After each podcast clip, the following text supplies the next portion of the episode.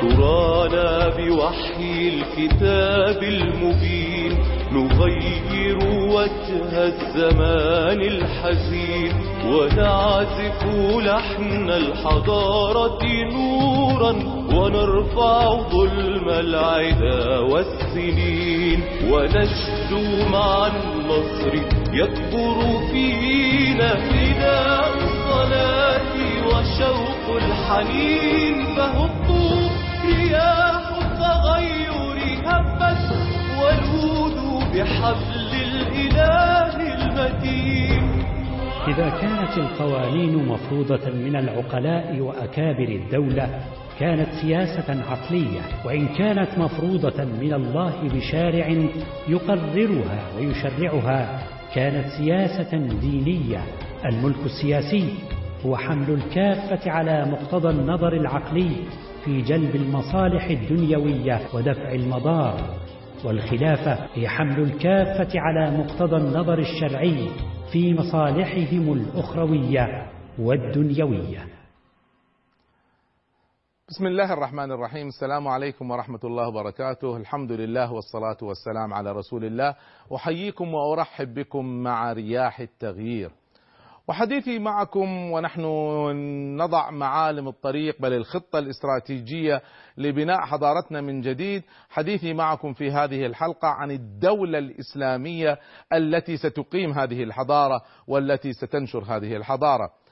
السياسة الشرعية من القضايا الهامة في حياة الأمة وكلام ابن خلدون رحمه الله تعالى حين قال أنه عندما تكون السياسة مبنية على نظر المفكرين والسياسيين تكون سياسة عقلية، لكن عندما تكون مستمدة من الوحي ومن أوامر الله تعالى ومن تطبيقات رسول الله صلى الله عليه وآله وسلم فهي السياسة الشرعية.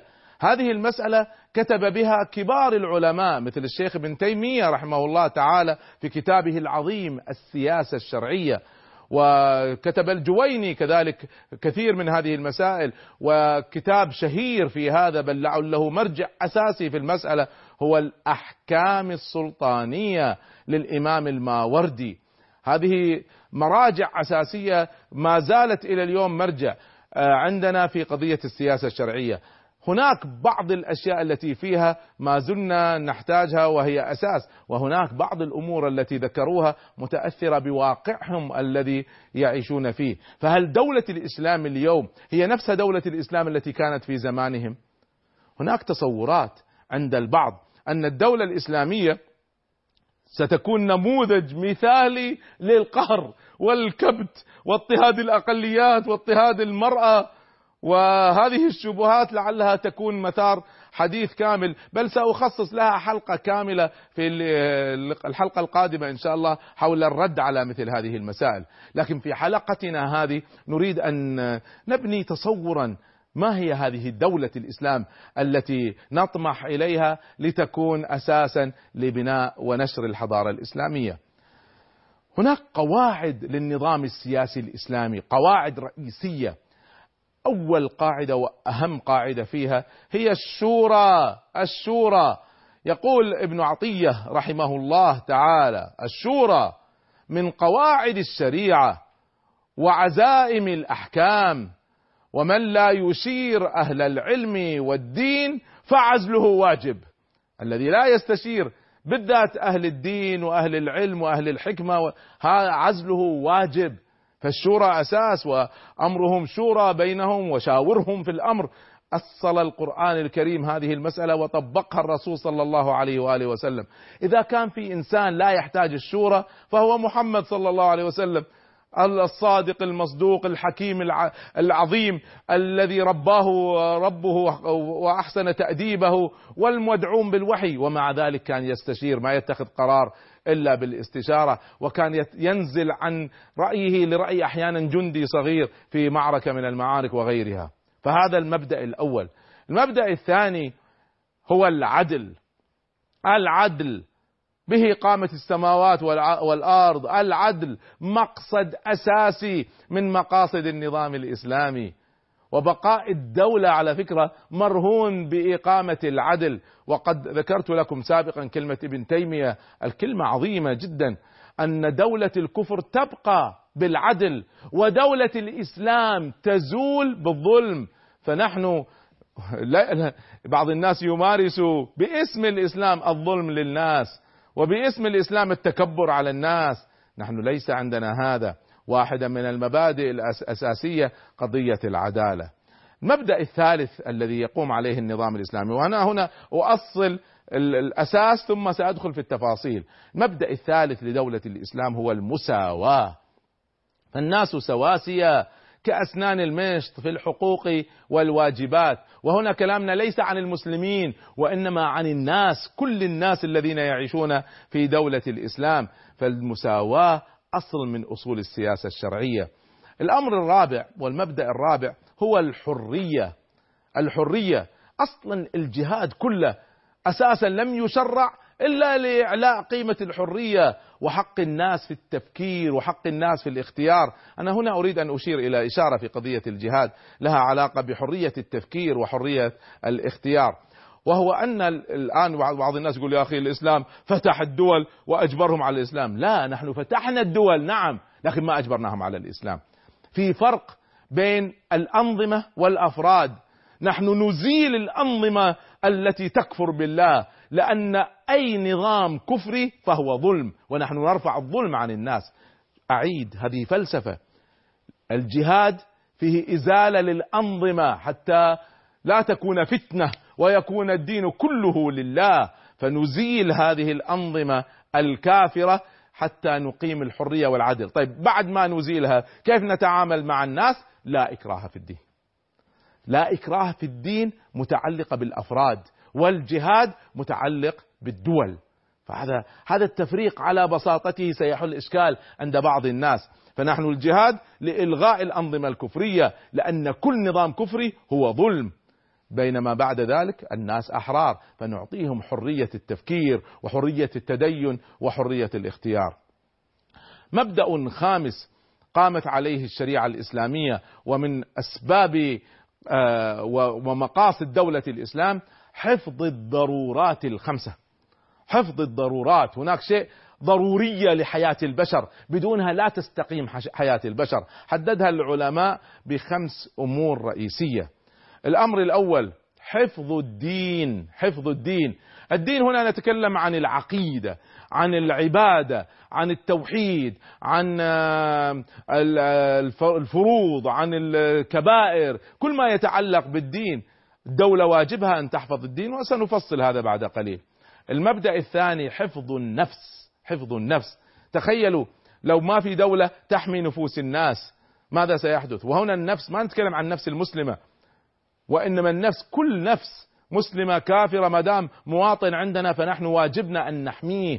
ويجب أن يقام القصاص ويقام العدل وعلى فكرة جاءت تشريعات ضخمة من أجل هذه الضرورات. يعني لأجل حفظ الدين كل العقيدة كل العبادة الجهاد كله لحفظ الدين حفظ النفس حفظ النفس. جاءت أيضا أشياء كثيرة جدا في الدين لأجل حفظ النفس. أحكام أحكام القتل هذه كلها والقصاص وما يتبعها والقضاء الذي يتبعها هذا كله من أجل حفظ النفس. الجهاد أيضا وما لكم لا, لا تقاتلوا في سبيل الله هذا حفظ الدين. والمستضعفين في الأرض حفظ نفوسهم. حتى لا يظلموا تخيلوا لما يكون الحاكم هو الذي يقتل شعبه. وبالطائرات وبالدبابات.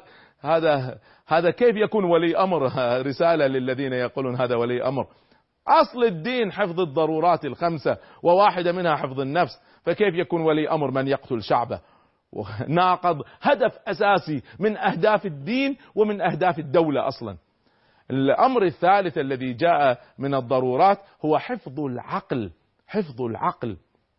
كم وكم من الأحكام الشرعية جاءت لحفظ العقل. ألا ترون تكريم العلم والعلماء؟ ألا ترون تحريم المخدرات والخمر وما يتبعها؟ ألا ترون الأحكام المتعلقة برفع التكليف عن من فقد عقله؟ رفع القلم عن ثلاث. الذي لا يتحكم بعقله ليس عليه حساب.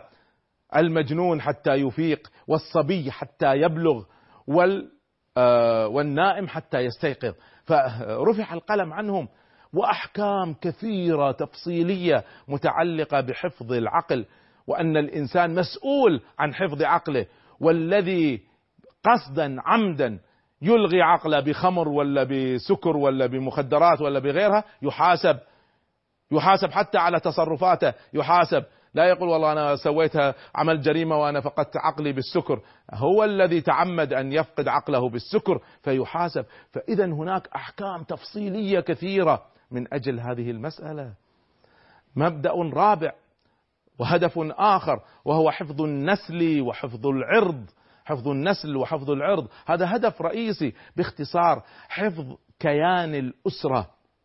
من أهداف الشريعة الإسلامية ومن ومن أس يعني من الأشياء الرئيسية المطلوبة من دولة الإسلام أن تحافظ على الأعراض فيمنع هنا الزنا ويقضى عليه ويمنع الشذوذ ويمنع يعني الأحكام المتعلقة بما بما يتعلق بقضية التبني مثلا من أجل حتى لا تختلط الأعراض وكل واحد ينسب لأهله ينسب لأبيه. فهذه أحكام كثيرة جدا. جاءت أحكام الزواج والخطبة والطلاق وغيرها كلها لحفظ هذا الكيان اللي اسمه الأسرة. والهدف الخامس من أهداف الشريعة ومن مسؤوليات الدولة حفظ المال حفظ المال. وكم وكم من أحكام الشريعة جاءت؟ كل الأحكام المتعلقة بالتجارة والبيوع والربا والزكاة والميراث وغيرها كلها تدخل تحت هذا. وأحكام ضخمة جدا. لأجل أحكام السرقة وما يتبعها كلها أحكام جاءت لأجل حفظ مال الناس هذه الخمس الدين والعقل والعرض والنفس والمال هذه أهداف الشريعة وهي أهداف الدولة الإسلامية التي نريدها وهي في النهاية تطبيق لمفاهيم الحضارة الإسلامية التي تكلمنا عنها. بعد الفاصل بإذن الله أدخل معكم بمبادئ أساسية للدولة الإسلامية ثم تفاصيل أساسية لهذه الدولة الإسلامية المنشودة نلتقي بعد لحظات إن شاء الله.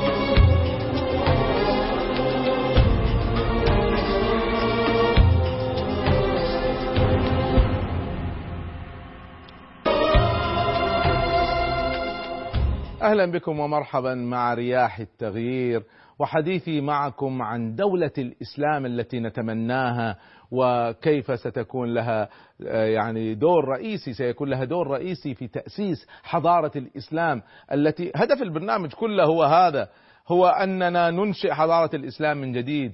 لا يمكن أن تنشأ حضارة الإسلام إلا من خلال دولة أو دول إسلامية.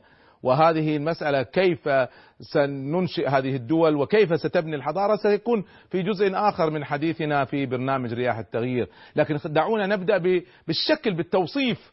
فبدأت معكم بالتوصيف في قضية دولة الإسلام. الآن سأربط قليلا بين دولة الإسلام وحضارة الإسلام. حدثتكم في حضارة الإسلام عن خصائص النظام الإسلامي. ونفس الخصائص للنظام الإسلامي لحضارة الإسلام هي نفسها خصائص الدولة الإسلامية. فالمبدأ الأول هو الربانية. الربانية هو نظام سياسي لكنه لا يخضع لأهواء البشر وتشريعات البشر القاصرة التي تراعي مصالحهم الخاصة أو لمصالح النخبة منهم ولا الفئة المتغلبة منهم ولفترات زمنية محدودة. نعم نحن نراعي المصالح لكن عندنا مرجعية نرجع إليها في آه، فلسفة الإسلام هي التي تحكم التشريعات. وسآتي لهذه المسألة بعد قليل. ذكرت لكم أيضا من مبادئ النظام الإسلامي كحضارة وأيضا من مبادئ الإسلام كدولة الشمولية. فهو نظام متكامل وشامل لكل مناحي الحياة. لا يعتريه نقص لا في أي مجال من المجالات ولا يتناقض مع بعضه بعضا. هذا الذي موجود في التشريعات البشرية الأخرى. أما نحن ما عندنا هذا التناقض. في الغرب عندهم التشريعات في النهاية يعني لا ليس لها علاقة بالدين مثلا وأن الفرد هو اللي يستمتع بحياته كما يشاء. نحن عندنا قيود على هذه المسألة.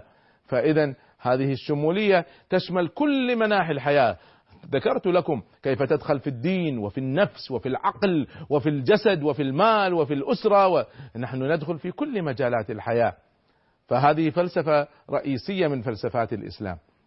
المبدأ الثالث للحضارة الإسلامية وللدولة الإسلامية كذلك العالمية فهي حضارة أو مبدأ قابل للتطبيق في كل الأحوال وفي كل مكان. نعم يراعي طبيعة التغيير البشري مكونات التغيير البشري يراعي الخصوصيات الوطنية كما يقال ويراعي معطيات الجغرافيا هذا كله صحيح. لكن الفلسفات التي سنقولها يمكن تطبيق بها دولة الإسلام في جزيرة العرب ويمكن تطبيقها في أمريكا ولا أوروبا ويمكن تطبيقها في شرق آسيا. فالمبادئ واحدة وبالتالي هي ليست حضارة خاصة بأمة ولا بفئة ولا بجغرافيا بل هي عالمية. المبدأ الرابع من مبادئ الحضارة الإسلامية ومبادئ الدولة الإسلامية الوسطية. فهو الوسط بين التفريط والتساهل والإفراط والتشدد. فهو لا يترك الحرية بلا ضوابط حتى تصبح فوضى ولا يبالغ في ضبط الحرية حتى يقيدها ويخنقها. هو لا يمنع في الملكية الفردية لكنه أيضا في نفس الوقت لا يتركها بدون ضوابط. حتى تطغى مصالح الفرد على مصالح المجتمع.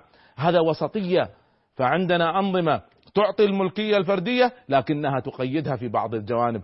تعطي الحرية لكنها تقيدها فيما لا يضر البشر ولا يسيء الأدب. فإذا عندنا عندنا وسطية وعندنا توازن واضح. والمبدأ الخامس الواقعية. الواقعية.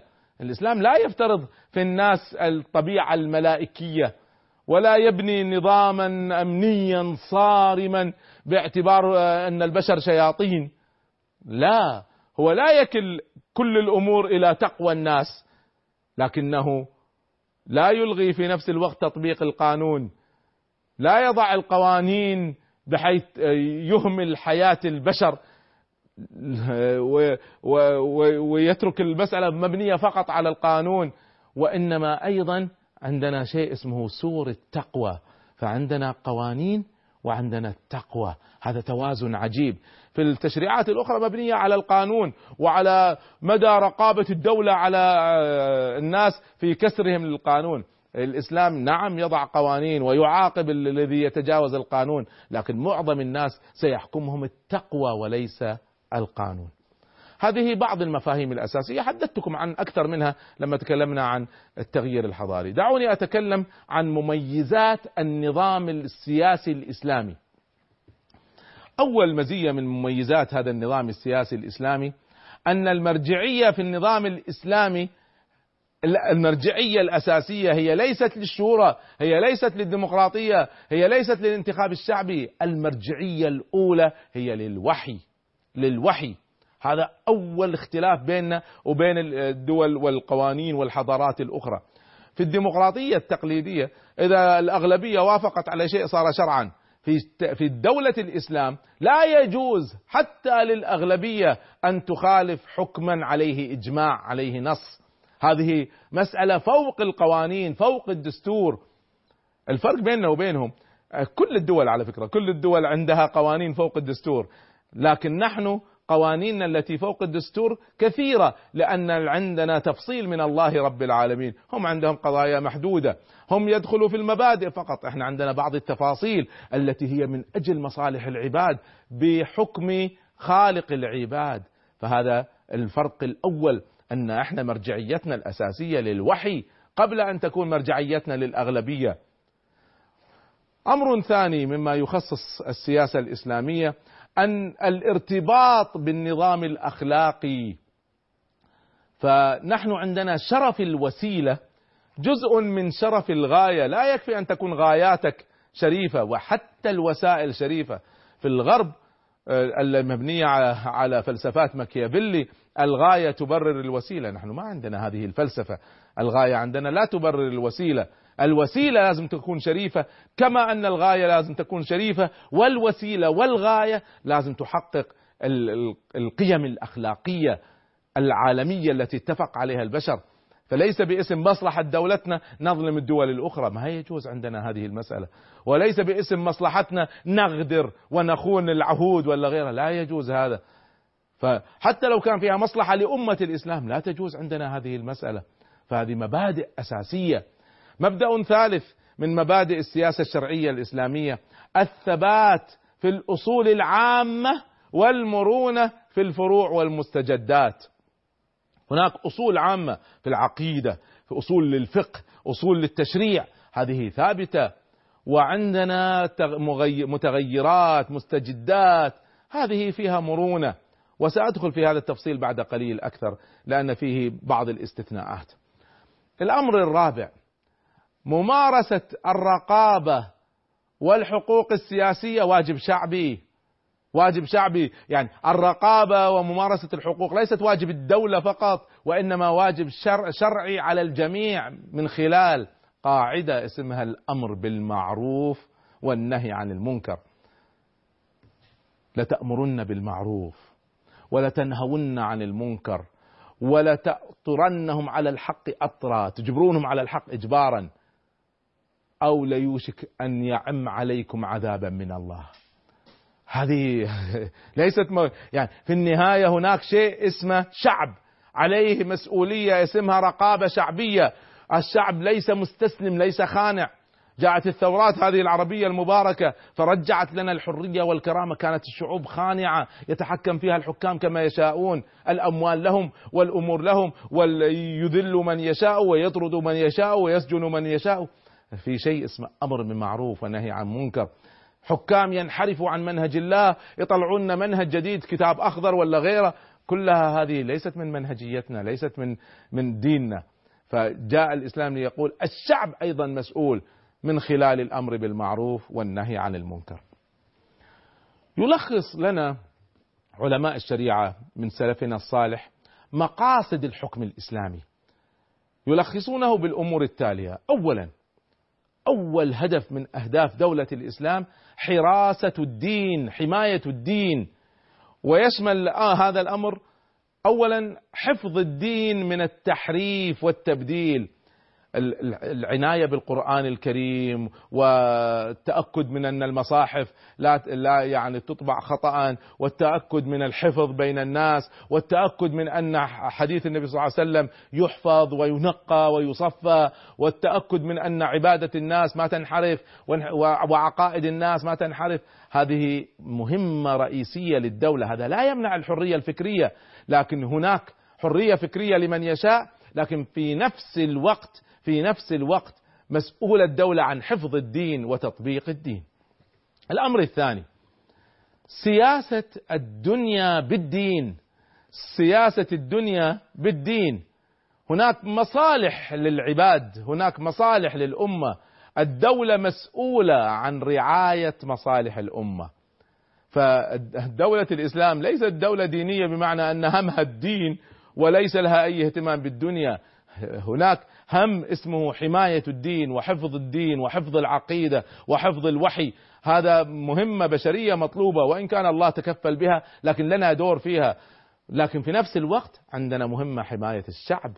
وحماية الأمة ورعاية مصالحها. الدولة التي لا ترعى مصالح شعبها يجب أن تزول. الحكومة التي تدمر شعبها وتنتهك أعراضها وتأخذ أموالهم وتسجنهم وتبطش بهم هذه دولة يجب أن تزال. وليس كما يقول بعض الذين يعني منعوا الثورات هذه يقول خروج على ولي الأمر. هذا خروج واجب على ولي الأمر لأنهم انحرفوا عن الدين نفسه وعن دولة الإسلام نفسها. هدف رئيسي هو رعاية مصالح العباد هم دمروا مصالح العباد. فهذه فلسفات أساسية فلسفات أساسية في دولة الإسلام، دولة الإسلام ليست يعني بعض الناس يتصور إن دولة الإسلام هذه بس دين دين دين، هي دين ودنيا، هي حكومة وشعب، وهناك تطبيق لهذا وتطبيق لهذا وتوازن بين الأمرين، وإلا ما تكون دولة إسلام أصلا. فهذه الفلسفات هي التي تقوم عليها دولة الإسلام.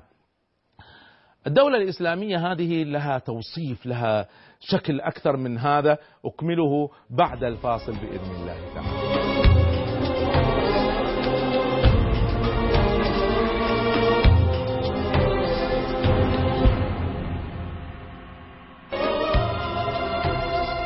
أهلا بكم ومرحبا مع رياح التغيير وحديثي معكم عن دولة الإسلام. الدولة الإسلامية هذه بدأت مع الهجرة بدأت مع الهجرة وحجر الأساس لدولة الإسلام الأولى كانت قبل الهجرة في بيعتي العقبة الأولى والثانية لما اتفق الرسول صلى الله عليه وسلم مع المو... مع الأنصار على أن يؤسس دولة هناك وأنهم يحمونه ويجاهدون معه. دولة الإسلام الأولى التي قامت في المدينة المنورة شرفها الله تعالى على ساكنها أفضل الصلاة والتسليم استكملت أركان الدولة. استكملت هذه الدولة قامت بعد أن استكملت أركان الدولة وهي اولا الأرض. ما في دولة بدون أرض. يعني في بعض الإرهابيين وبعض الجماعات يعلن دولة وهو لا هو لا يحكم أرض. كيف تكون دولة؟ فما في شيء اسمه دولة بدون أرض تحكمها هذه الدولة. وفي الدولة الإسلامية الأولى كانت دولة صغيرة جدا لكن عندها أرض اسمها أرض المدينة المنورة. ولو صغيرة لكن السيطرة فيها هي كانت للإسلام والقائد فيها كان الرسول صلى الله عليه وسلم. بدون أرض ما في دولة. الأمر الثاني الشعب. الشعب ما في شيء اسمه دولة بدون شعب. هذه هذه أركان أي دولة في الدنيا. الشعب. سكان المدينة المنورة بمختلف مكوناتهم من مسلمين ومنافقين ويهود كانوا هم الشعب. والدولة كانت تقود الجميع. وهذه مسألة كانت واضحة جدا. الأمر الثالث هو القيادة أو الحكومة. القيادة أو الحكومة. وكان واضح جدا أن الناس سلمت للرسول صلى الله عليه وسلم في قيادته للمدينة. وعلى فكرة كان هناك هناك حكمة إلهية يذكرها الإمام البخاري في حديث السيدة عائشة رضي الله عنها. قبل أن قبل الهجرة بخمس سنوات كانت هناك معركة ضخمة جدا في المدينة المنورة حرب أهلية بين الأوس والخزرج. سبحان الله. تقول السيدة عائشة كانت هذه الحرب حرب بعاث مقدمة لقيام دولة الإسلام. أحيانا نحن الحروب هذه لا نعرف حكمتها. حرب أهلية. ماذا فعلت؟ تقول السيدة عائشة أفنت سادتهم. أفنت سادة الأوس والخزرج. فلما هاجر النبي صلى الله عليه وسلم كانت المدينة خالية من القيادة. ما فيها أحد. ما فيها سادة. كان بعض الناس يعني يهيئ نفسه ليكون هو هو الحاكم على المدينة مثل أبو عامر الفاسق ومثل كان عبد الله بن أبي بن سلول كانوا يهيئون أنفسهم لكن لم تستقر لهم الأمور. فجاء النبي صلى الله عليه وسلم في فراغ فراغ دستوري كما يقولون فراغ حكومي فسيطر بسهولة. هذا من حكمة الله أن تكون معركة بعاث قبل الهجرة مباشرة. فإذا هذا العنصر الثالث لأي دولة؟ فقلنا أرض وشعب وقيادة أو حكومة. الأمر الرابع قانون نظام حكم. وكان النبي صلى الله عليه وسلم من أوائل ما فعله. نظم هذا نظمته الوثيقة أو الصحيفة التي حددت علاقة الجميع بالدولة ووصفت حقوقهم وواجباتهم. أنا أتمنى كل واحد يقرأ السيرة يعني ستمرون في الهجرة. وكتب النبي صلى الله عليه وسلم الوثيقة بين المهاجرين والأنصار والمنافقين واليهود اقرأوا هذه الوثيقة. هذا هو الدستور أو النظام القانوني والسياسي في هذه الوثيقة. النبي صلى الله عليه وسلم حدد ما هي مكونات المجتمع. ذكر اليهود وذكر بنو عوف وذكر وفي, وفي الوثيقة هذه حدد أن الجميع ملتزم بنظام سياسي واحد هو قائده وحدد أن جزء من هذا النظام السياسي العداء لقريش وأنه لا يجوز لأحد أن يحالف قريش أو يهادنها. ذكر وغيره وغيره وغيره. هذه وثيقة سياسية رئيسية اسمها وثيقة المدينة. يجب أن تدرس في كليات السياسة لأنها جزء من سياستنا الشرعية. إذا هذه مكونات أي دولة؟ لا بد من أرض وشعب وقيادة وقانون. فإذا قامت اليوم حركة إسلامية هذه حركة إسلامية لا تسمى دولة إسلامية. ولا يجوز أن نتعامل معها. بعض الناس يتعامل مع بيعة الحركة الإسلامية كأنه بيعة للدولة. هيهات. لابد من أرض لابد من شعب يحكم لابد من حكومة لابد. وإلا ما تكون دولة. ففي لا بأس بحركات لأمر بالمعروف نهي عن منكر إقامة الحق إلى آخره. آه، دفع الباطل ما في مانع. لكن ما تسمى دولة إسلام. دولة الإسلام أو أي دولة في الدنيا هذه أركانها الأربعة. أنتقل إلى الحديث عن واجبات الخليفة أو كما يسميه العلماء ولي الأمر. والسبب أنه بالإضافة إن إحنا نحاول أن نوصف ما هي دولة الإسلام، اليوم باسم وطاعة ولي الأمر دخلوا من لا يستحق باسم أنه طاعة ولي الأمر، هيهات أن يكون أمثال هؤلاء الطغاة ولاة أمر. واجبات شرعية أصلها العلماء لولي الأمر أذكرها كالتالي، اولا حفظ الدين وتطبيق الدين هذا هو الأمر الأول المطلوب من ولي الأمر.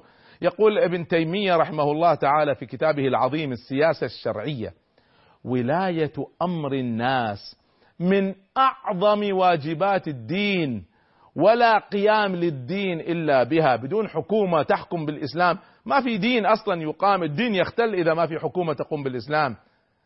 أين هذا اليوم من بعض حكامنا الذين يحاربون الدين يحاربون الحجاب يساندون الفساد يتهمون الشريعة بالقصور. أنا قرأت في إحدى الدول الدكتاتورية تهمة موجهة لواحد أنا قرأت بعيني هذه. تهمة موجهة لواحد أنه يصلي في المسجد كل الصلوات. هذه تهمة موجهة لانسان هذا والله النظام الذي يفعل مثل هذا هذا نظام إسلامي أو هذا ولي أمر؟ كيف يكون ولي أمر وهو يحارب الدين نفسه؟ كيف يكون بن علي ولي أمر وهو يمنع الحجاب؟ كيف؟ فهذه مسائل وفلسفات أساسية فلسفات أساسية. فولي الأمر أول شرط من شروطه أن يقيم الدين ويحمي الدين. أقلها أقلها اتركوا الحرية الدينية للناس. هم يحاربون هم لا يتركونها. هم يحاربونها وبعض الناس اللي سامحوني. يعني أنا ما ما أفهم إن هذا جزء من الفهم الإسلامي. يسمي هؤلاء ولاة أمر وخروج على ولي هيهات هيهات. أول شرط حتى يكون ولي أمر أنه يطبق الدين ويحمي الدين. الأمر الثاني من واجب هذا كلام ابن تيمية. الأمر الثاني حماية الدولة وتحقيق الأمن وحفظ الثغور. حماية الدولة حفظ أمن الدولة وحماية الثغور. أين هذا اليوم؟ من بعض حكامنا الذين فقدوا كل استقلالية في قرارهم بسبب ضعفهم وعدم قدرتهم الذاتية على حماية البلاد والعباد. بل تضيع الجولان فلا يطلقوا رصاصة واحدة. وكل الرصاص يوجه للشعب ويقول لهذا ولي أمر، كيف يكون ولي أمر؟ وهو ضيع البلاد وانتهك الحرمات. لم يطبق لا دين ولم يحمي الأرض ولا وانتهك الشعب. يقول لي ولي أمر. كيف يكون ولي أمر؟ الأمر الثالث وهذا أيضا من المبادئ التي ذكرها ابن تيمية رحمه الله تنفيذ الأحكام القضائية وإنصاف المظلوم. انصاف المظلوم الأحكام القضائية. هنا نتكلم عن في أحكام شرعية واجبة التطبيق. هناك فروض على المسلم صلاة صيام زكاة. لا يجوز للمسلم أن يجاهر بإفطار. لا يجوز للمسلم أن يمتنع عن زكاة. لا يجوز للمسلم أن يعلن ترك للصلاة. هنا هنا هذا هذه من القضايا الكبائر التي يجب على الدولة أن تمنع تمنع الدخول فيها. وهناك زنا وشرب خمر وقتل وسرقة وكذا. الدولة يجب أن تحمي هذا تحمي تحمي الناس من هذا الفساد وتطبق الشريعة وتطبق الأحكام القضائية. ولا ما تكون دولة إسلام أصلا. في بعض الناس يعني ميعون دولة الإسلام إلى درجة أنما بس بس يعني روح إسلام. الإسلام فيه أحكام وهذه الأحكام عليها إجماع فيجب على الدولة أن تطبق هذا. أين هذا؟ من عشرات ومئات الأحكام القضائية تم تعطيلها إرضاء لمصالح علية القوم. وهذا إذا لم يتم التلاعب أصلا بالقضاء واستقلالية القضاء والأحكام القضائية وتطلع مفصلة على مقاسم الذي لا يقيم هذه الأحكام القضائية وفق شريعة الله عز وجل لا يسمى ولي أمر. الأمر الرابع إقامة الحدود، إقامة الحدود كيف تقام الحدود في بلد غالبية أبناء فقراء وجوعى وعاطلين وينشر فيه الفساد ويشجع الشباب على الزنا وعلى العلاقات الحرام ثم تقام الحدود في بلد أكبر سراقة هم حكامه. يجب أن تقام الحدود عليهم أولا. رأينا البلايين التي اكتشفت بعد الثورات هذه. أول من يجب أن تقام عليه الحدود هم هؤلاء الحكام وأولادهم وبطانتهم. هم الذين سرقوا البلد. تقام الحدود في بلد يرفض الشريعة أصلا جملة وتفصيلا كيف تقام الحدود أصلا. هذه واجبات الحاكم حتى يكون ولي أمر. أما حاكم هو الذي يسرق وأولاده وهو الذي يعطل الشريعة وهو الذي يشجع الفساد. حكام الآن بدينا نكتشف هم وبطانتهم يتعاطون المخدرات يتعاطون المخدرات هم يتعاطون وأولادهم وبطانتهم. وبعدين نريد أن نقيم الحدود يقام الحد عليه هو أول. كيف يسمى ولي أمر شيء مثل هذا؟ الأمر الخامس إقامة أم هذا كلام ابن تيمية إقامة أمر الدعوة والجهاد. إحنا الحين نريد بس حرية الناس نريد حفظ دماء الناس من حكامها. كيف يقام أمر الدعوة إذا كان الحكام نفسهم أكبر خصوم للدعوة؟ كم وكم من داعية وعالم وطالب علم ذهب إلى السجن. واحد من الحكام يتفاخر أنه 17 ألف من أبناء الحركة الإسلامية أدخلهم السجن في يوم واحد. وهو المطلوب أن يقيم الدعوة.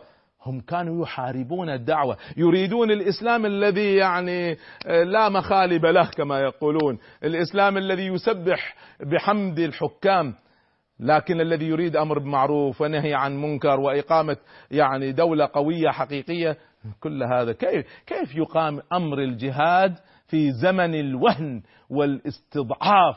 كيف يقام أمر الجهاد وكل فوبيا الإرهاب على الرؤوس حتى حكامنا لما أرادوا اهتزت عروشهم بدأوا يخوفون الغرب من الإسلام. إذا إحنا رحنا سيأتي الإسلاميون.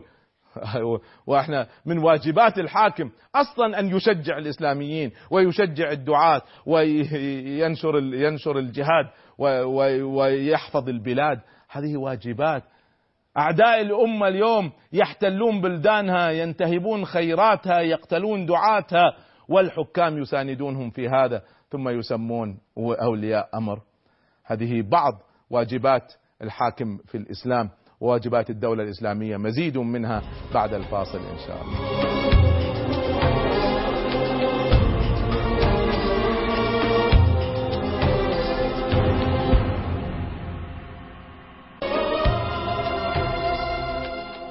أحييكم وأرحب بكم مع رياح التغيير وحديثي معكم عن دولة الإسلام. هذه الدولة التي ستبني لنا الحضارة. الحضارة لا تقوم وحدها. لابد أن تبدأ بدولة ثم دول تتعاون لإقامة هذه الحضارة الإسلامية، سأتحدث فيما بعد عن فلسفة الخلافة والاتحاد الإسلامي وهل ما زال عندنا نفس التصور القديم خلافة واحدة عابرة للقارات، سأتكلم عن هذا في حلقات خاصة قادمة إن شاء الله، لكن خلينا نبدأ من الأساس، حديثنا اليوم عن الدولة الإسلامية، وفي هذا الجزء الأخير من هذه الحلقة أكمل ما ذكره الإمام ابن تيمية رحمه الله تعالى في واجبات دولة الإسلام وواجبات الحاكم المسلم. واجب آخر هو اختيار الأمناء وأصحاب الكفاءة لولاية آه، الأمر، لولاية أمر المسلمين ومراقبة أعمال هؤلاء الولاة. اذا اختيار الأمناء، اختيار الأكفاء ومراقبتهم. كيف يتم اختيار الأمناء إذا كانت المناصب توزع بالمحسوبيات وبالحزبيات وحسب المحاصصات الطائفية أو المحاصصات العرقية أو صفقات التنفيع مع الحكومات؟ ومعظم الحكام الطغاة ورأينا كيف أن يعني آه، دولة جمهورية دولة جمهورية بالوراثة صارت. دولة جمهورية كل المناصب الرئيسية بيد أبناء وأبناء عمه وأنسابة هذا يقول لك في هذه الدول وضع الرجل المناسب في المكان المناسب. مش المناسب المناسب أي النسيب. النسيب. صارت القضية يعني ملكهم صارت ملكهم. الشعب هذا ليس له وزن. بينما واجب من واجبات الحاكم المسلم أن يحسن اختيار أعوانه وزراء الولاة ويحسن اختيارهم بناء على الأمانة والكفاءة ولا يتركهم مع ذلك وإنما يراقبهم. يقول ابن تيمية رحمه الله واجب سابع من واجبات الدولة الإسلامية والحاكم المسلم جباية الفيء وجمع الزكاة ووضعها في مصارفها الصحيحة. هنا نتكلم عن إدارة المال. الفيء إذا كان هناك فيء اللي هو يعني غنائم الحروب أو جمع الضرائب أو جمع الزكاة بصورها المختلفة ووضعها في مكانها المناسب. بينما كيف تأتي بركة توزيع الزكاة في بلدان وضعت جمعياتها الخيرية تحت الرقابة بدعوى محاربة تجفيف منابع الإرهاب. كيف تكون دولة إسلامية وقد حطم اقتصادها أخطبوط الربا. ونقول دولة إسلامية ونقول ولي أمر. بين والله بعض الدول اللي اسمها إسلامية إلى وقت قريب ما فيها بنك إسلامي واحد والبنوك الربوية مليانة في البلد. ونقول دولة إسلامية. وغيرها وغيرها. ونقول في النهاية هذا ولي ولي الأمر وهو يحارب مفاهيم الشريعة نفسها. الأمر الثامن تطوير الاقتصاد وتوفير معايش الناس ومراقبة الأسواق. هذه مصطلحات حديثة لما قاله ابن تيمية رحمه الله تعالى. تطوير الاقتصاد تطوير الأسواق مراعاة حاجات الناس المالية تشجيعهم عليها باختصار الكرامة المالية للناس والحرية المالية للناس وفق الشريعة. كيف يتم ذلك اليوم؟ عندما يتم الجمع بين الحكم والتجارة. كيف؟ وعندما توزع الفرص الفرص التجارية على الكبار فقط هل تعلمون أنه في معظم بلادنا في معظم بلادنا 84% احفظوها 84% من الوكالات هي بيد 4% من التجار فقط. عندما يصبح الاحتكار هو المسيطر على قوانين السوق كيف تكون هناك عدالة مالية أو عدالة اجتماعية؟ أمر آخر من واجبات الخليفة.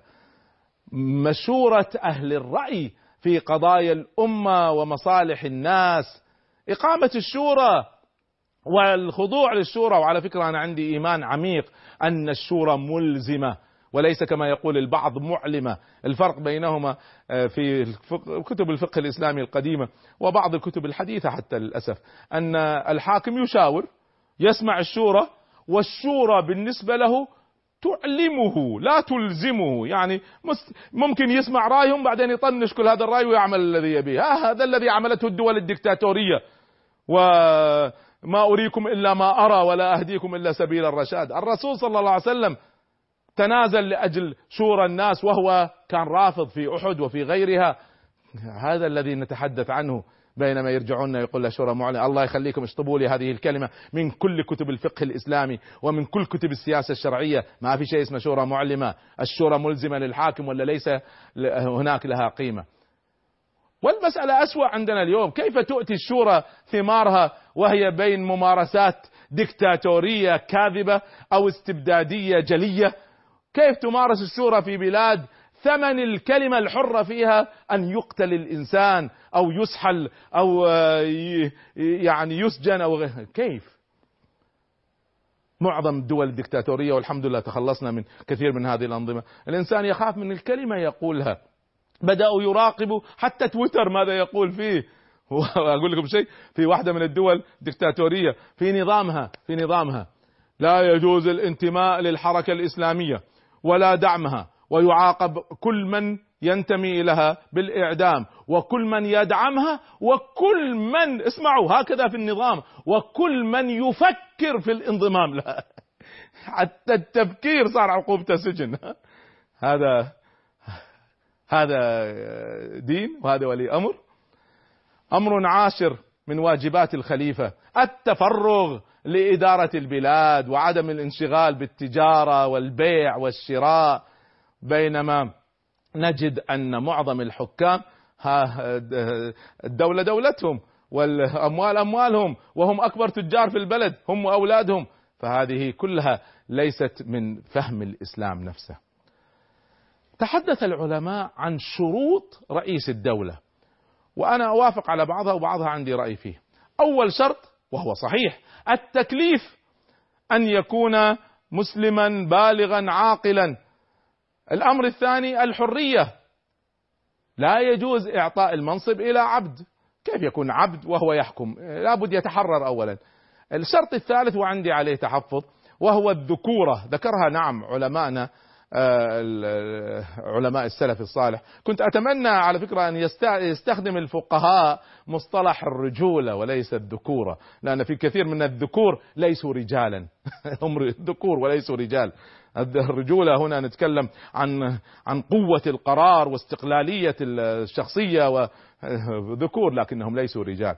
على على كل حال أنا من بس من باب الإنصاف أريد أن أقول آه، رأيي وأكون منصف في هذه المسألة.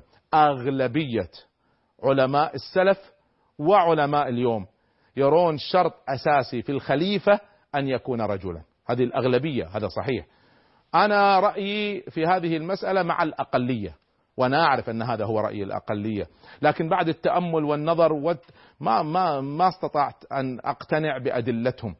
فعندي يجوز للمرأة أن تتولى كل المناصب بما فيها رئاسة الدولة.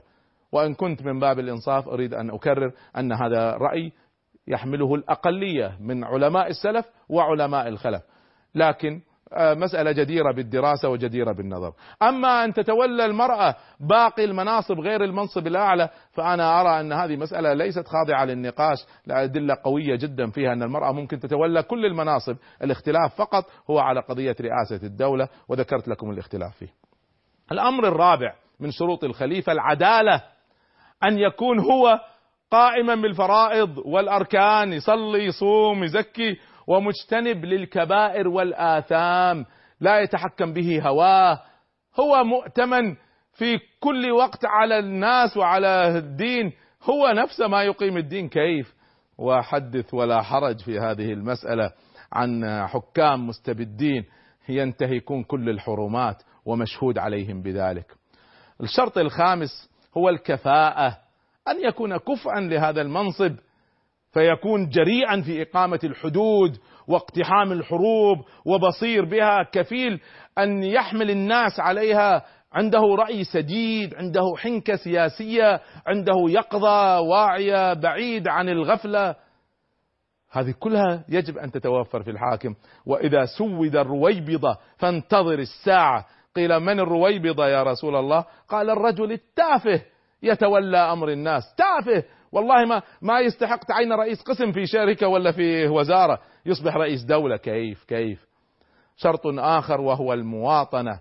أن يكون رئيس الدولة من سكان الدولة الإسلامية المستقرين فيها وليس من الناس اللي يعني ولائهم خارجي عند جنسيتين ويكون رئيس دولة. وشرط آخر ذكره بعض العلماء وعليه كلام وهو سلامة الحواس والأعضاء. يكون جسمه سليم.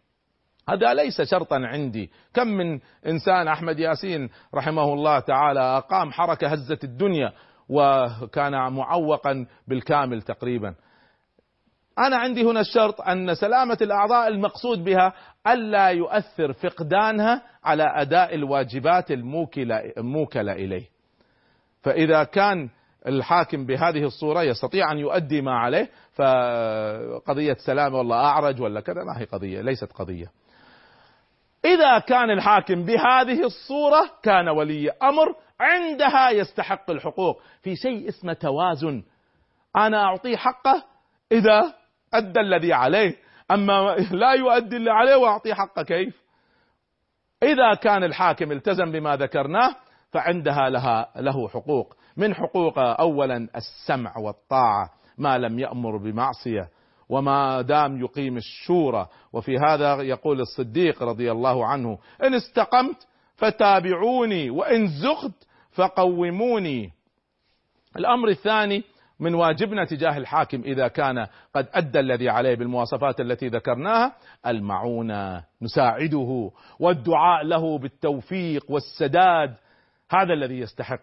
إحنا لسنا مع الخروج عن الحكام لكننا مع تعديل الحكام الذين انحرفوا ليكونوا على المنهج السليم وإزالة الحكام الذين يحاربون دين الله عز وجل. يقول الفضيل بن عياض رحمه الله تعالى لو كان لي دعوة مستجابة ما صيرتها إلا في الإمام في الخليفة. لأني لو جعلتها لنفسي لم تتجاوزني تنفعني أنا وحدي. ولو جعلتها له كان صلاح الإمام صلاح العباد والبلاد. الأمر الثالث يستحق الحاكم راتب من بيت مال المسلمين بما يناسب واجباته.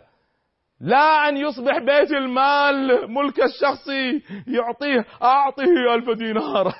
هذه اللي نضحك عليها في السابق اليوم يمارسونها. صارت صارت ميزانية الدولة أصلا ملك هذا على كيف يتصرف فيها؟ لا يحدد له راتب يقرره كبار الأمة وأهل الشورى فيها. مفاهيم الدولة الإسلامية كثيرة وجميلة. هل تخيلتم جمال دولة بهذه الصورة لما تكون فيها هذه القواعد الأساسية؟ هذه القواعد تفصل على شكل دستور وقوانين ونظام وانتخابات وغيرها. هذه تفاصيل لكن هذه هي المبادئ التي عليها تؤسس دولة الإسلام ومن ثم حضارة الإسلام.